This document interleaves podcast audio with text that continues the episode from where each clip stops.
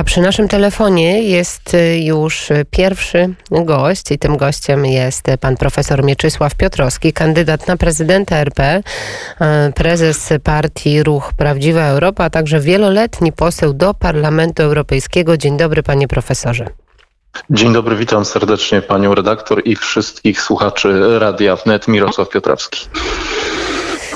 Zaczęłam mówić o tym, co dzieje się w Stanach Zjednoczonych i to bardzo ważne, bardzo istotne. Jak pan patrzy na, te, mm, na tę sytuację, która wczoraj miała miejsce? Co ona oznacza dla samych Stanów Zjednoczonych? Ta sytuacja bez precedensu, jak tu słusznie zauważyła pani redaktor, kiedy y, tłum wtargnął y, do budynku Kapitolu y, i polała się krew, ma swoje konkretne przyczyny. Mianowicie to nie jest frustracja ludzi, którzy nie mogą pogodzić się z wynikiem, że przegrał ich kandydat, tylko to jest sytuacja, kiedy sam jeszcze urzędujący prezydent Donald Trump, który ogłosił, że przekaże w sposób uporządkowany władzę swojemu następcy, jednocześnie zaznacza dobitnie, że wybory zostały sfałszowane i ma na to konkretne dowody. I y, jego zwolennicy są przekonani, że wybory zostały sfałszowane. I co do tego nie ma praktycznie nikt wątpliwości, że takie akty fałszerstwa miały miejsce w Stanach Zjednoczonych. Jest tylko pytanie, czy one na pewno przekładałyby się na wygraną Donalda Trumpa. Donald Trump jest przekonany, że tak, jego zwolennicy też, i że po prostu zostali oszukani.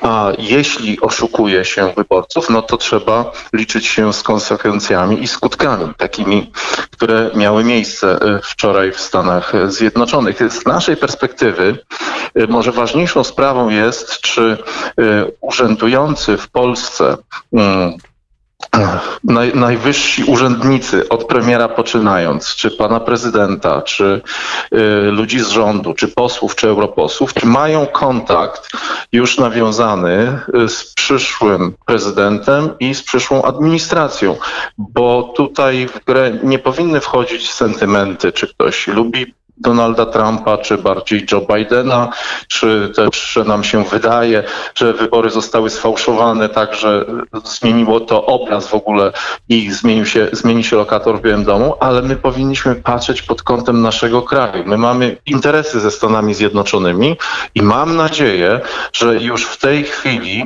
e, polska dyplomacja, jeśli taka istnieje, bo, bo mam poważne wątpliwości po tym, co robi na arenie międzynarodowej Unii Europejskiej, ale mam nadzieję, że ma już kontakty z Joe Bidenem i osobami mu najbliższymi.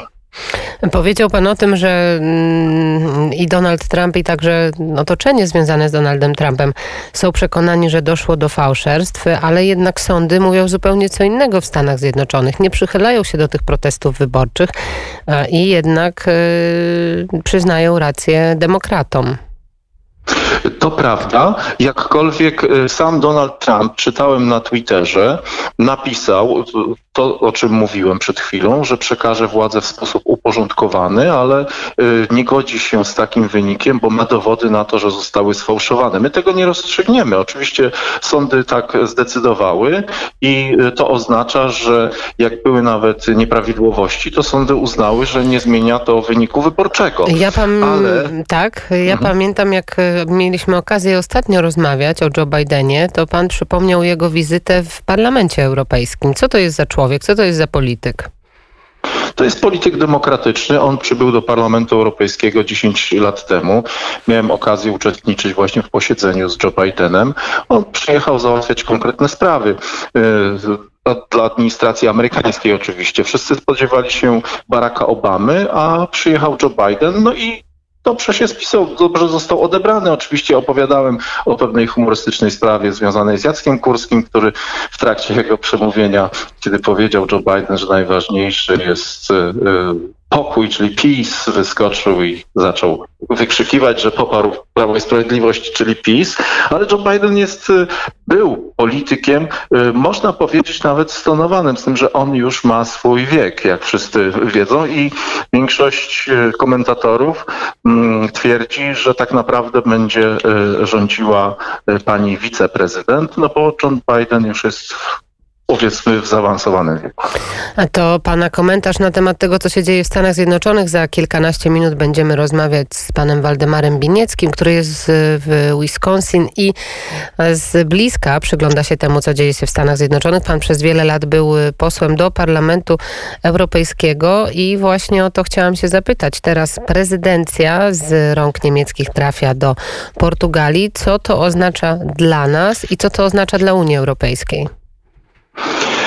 dla nas oznacza kontynuację i dla Unii Europejskiej również oznacza to kontynuację, bo nie przewidujemy tutaj jakiegoś gwałtownego, gwałtownych zmian, a, ani przełomu. Po prostu przejmuje pałeczkę od prezydencji niemieckiej i prezydencja portugalska zapowiadała, że będzie to kontynuować.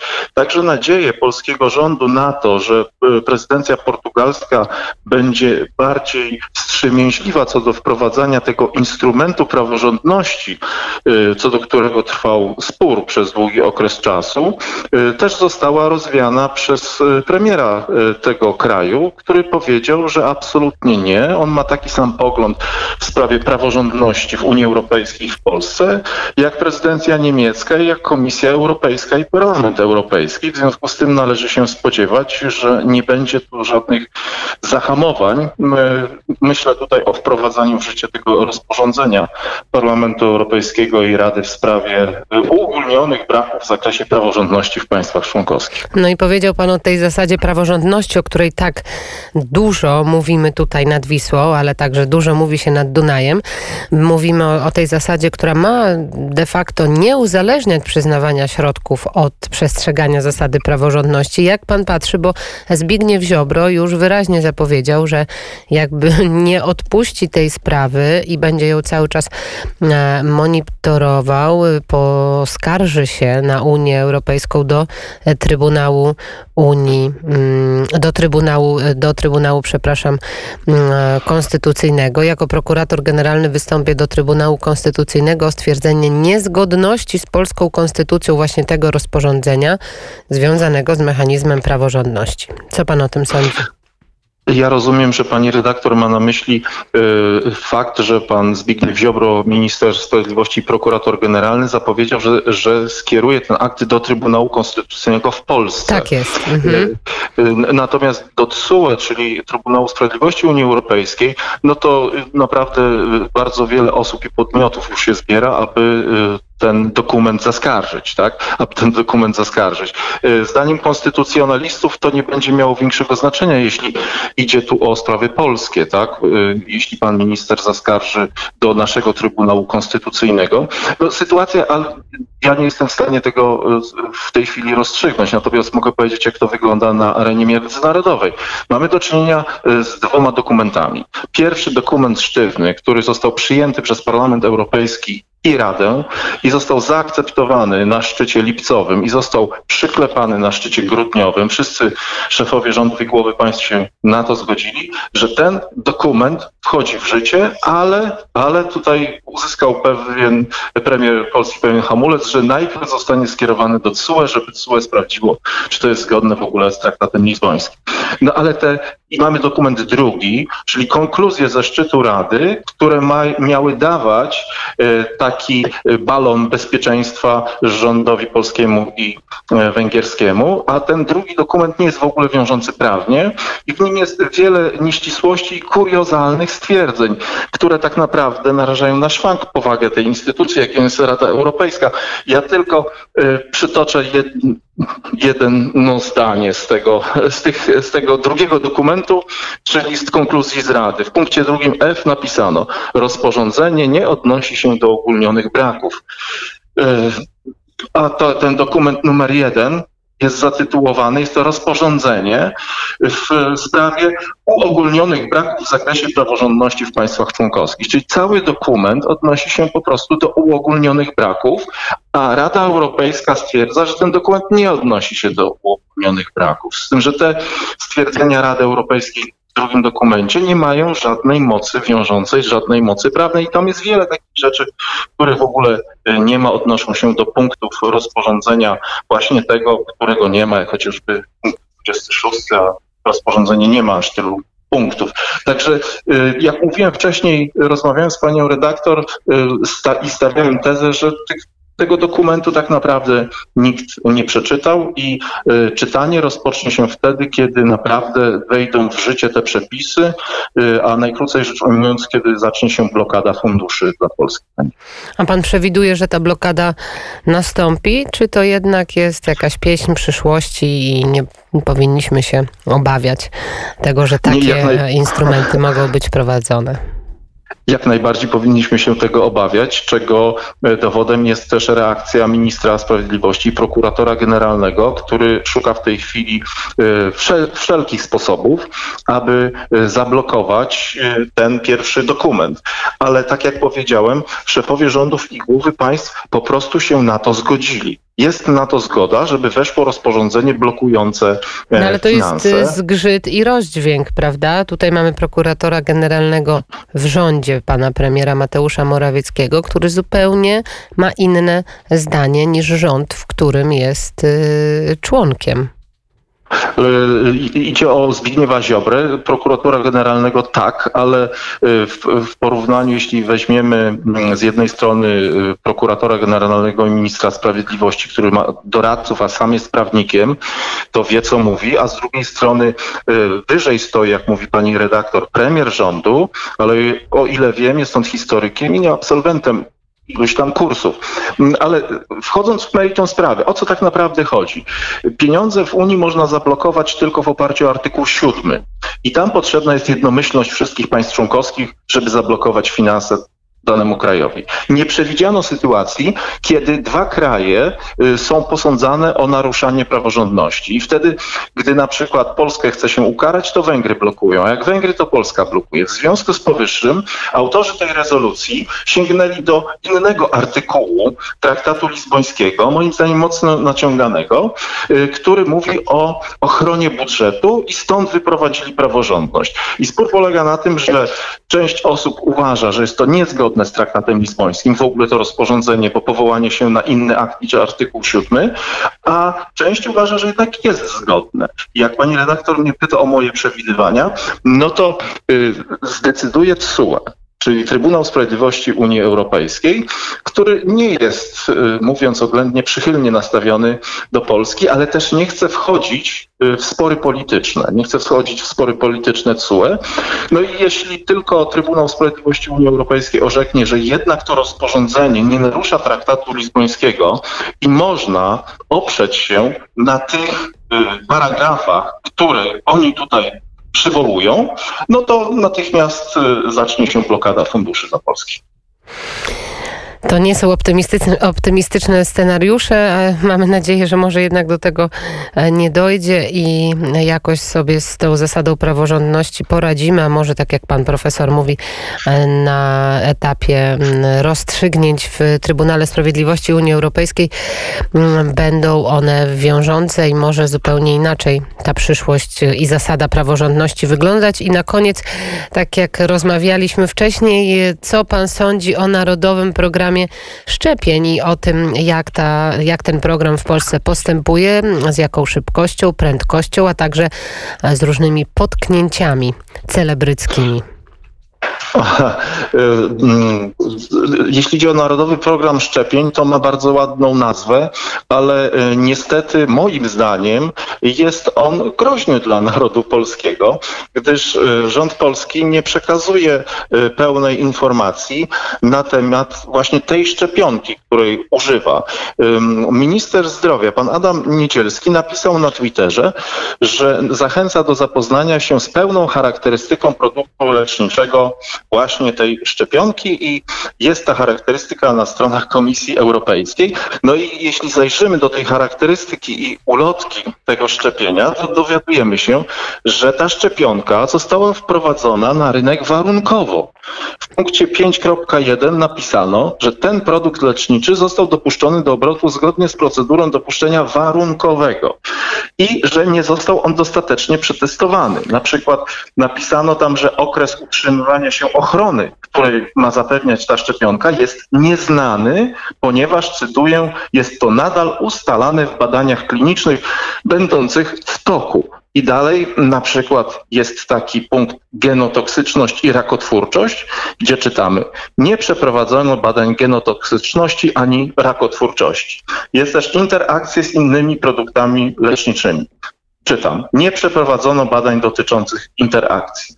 Na płodność tylko na zwierzętach. No wobec tego, jeśli my nie wiemy, czy ta szczepionka nie wywołuje raka na przykład, no to ja się pytam, która z tych chorób jest groźniejsza? COVID czy rak? Panie ministrze, jaki wiemy, to jest dokument, o który pan teraz cytuje?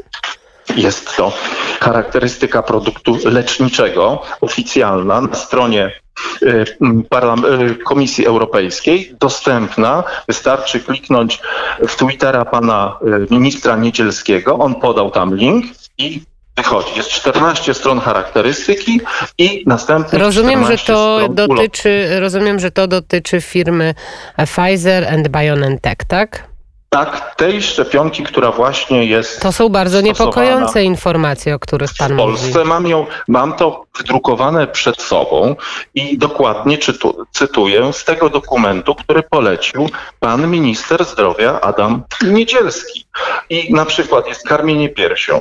Nie wiadomo, czy produkt leczniczy komirnaty przenika do mleka ludzkiego. Płodność. Badania na zwierzętach nie wykazały bezpośredniego ani pośredniego szkodliwego wpływu na reprodukcję, ale to na zwierzętach. Natomiast inni naukowcy, na przykład w Niemczech, czy też medycy, jak chociażby doktor medycyny Wolfgang Wodart, twierdzi, że jest duże prawdopodobieństwo zmian genetycznych, ale to już jest opinia. Ja tylko sięgam do dokumentu. No jeśli w tym dokumencie jest napisane, że jest to szczepionka wprowadzona warunkowo, że ten le- lek jest nadal w badaniach klinicznych i nie wiemy, jak długo zapewnia ochronę i nie wiemy, czy nie powoduje raka. I też y, nie przeprowadzono badań dotyczących interakcji z innymi produktami leczniczymi. No to, czyli nie wiemy, jak się ta szczepionka zachowa się w przypadku połączenia innych leków. Jest wiele osób, które te leki biorą i tak dalej, i tak dalej. W związku z powyższym ja spodziewałbym się bardziej y, rzeczowej debaty w mediach publicznych także, aby rząd, czy Ministerstwo Zdrowia, czy eksperci rozwiali moje wątpliwości jako pacjenta, bo ja mówię jako pacjent, a nie jako specjalista w tej dziedzinie, czytając po prostu charakterystykę tego leku. To jest y, bardzo ważne, bardzo istotne, o czym pan profesor mówi. Mam nadzieję, że takie odpowiedzi dostaniemy w najbliższym czasie, ale ten czwarty etap, bo to głównie o to chodzi, czwarty etap, jeżeli chodzi o badania kliniczne, to są zazwyczaj lata, a tutaj przez kilka miesięcy to wszystko tak bardzo, bardzo szybko poszło i zostało no, w, wdrożone.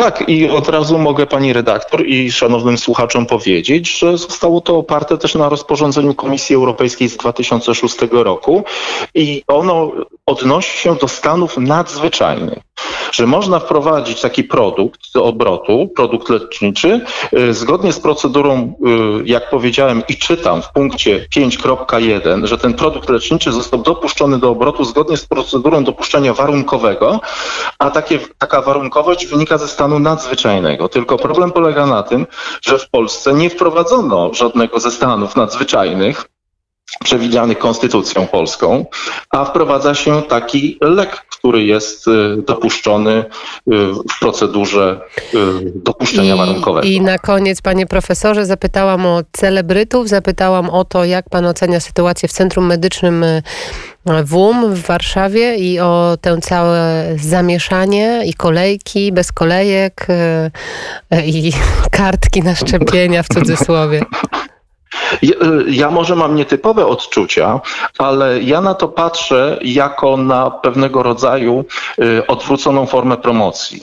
Czyli z jednej strony, jeśli ta szczepionka nie jest przebadana do końca, nie wiemy, co wy, jakie wywołuje skutki uboczne, nie wiemy, czy nie jest rakotwórcza, ani nie powoduje genotoksyczności i tak dalej, i tak. To, to, co cytowałem, bo nie mówiłem tego z pamięci, mam przed sobą tę charakterystykę i cytowałem, y, opis y, charakterystyki tego leku, no to należy ją zapromować. A jak ją najlepiej zapromować? Ano no właśnie w taki sposób, że pokazać, że celebryci, aktorzy, ludzie kultury biją się, chcą poza kolejką uzyskać tę szczepionkę. No to ja mówię, niech się zaszczepią Czyli Obserwujemy, suma summarum po, pozytywny, e, pozytywny wydźwięk dla kampanii całej to zrobiło, Tak. myśli pan?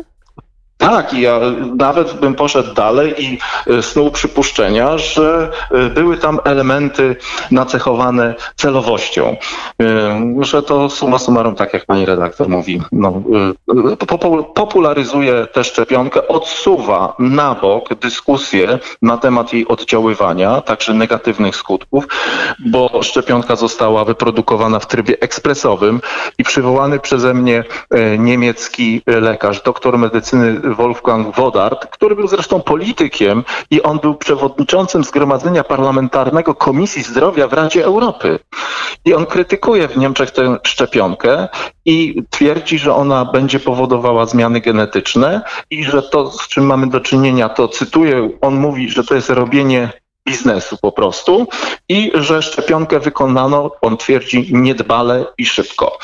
W związku z tym e, ja przynajmniej uważam, że należy poczekać i zobaczyć, jak ci celebryci będą się zachowywać później, jeśli faktycznie zostali zaszczepieni tą szczepionką oczywiście. Pan profesor się nie szczepi.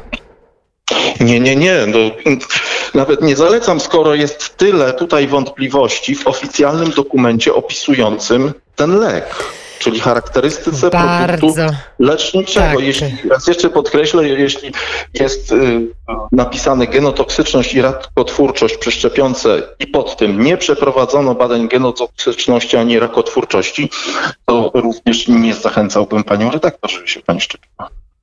Bardzo dziękuję za e, te e, informacje, za te rady. Pan profesor Mirosław Piotrowski, który jest prezesem ruchu Prawdziwa Europa Partii, a kandydat na prezydenta, były poseł do Parlamentu Europejskiego. Bardzo dziękuję za rozmowę i pięknego dnia. Wieczoru panu Bardzo życzę. dziękuję pani redaktor i pozdrawiam wszystkich radiosłuchaczy, również miłego popołudnia i wieczoru.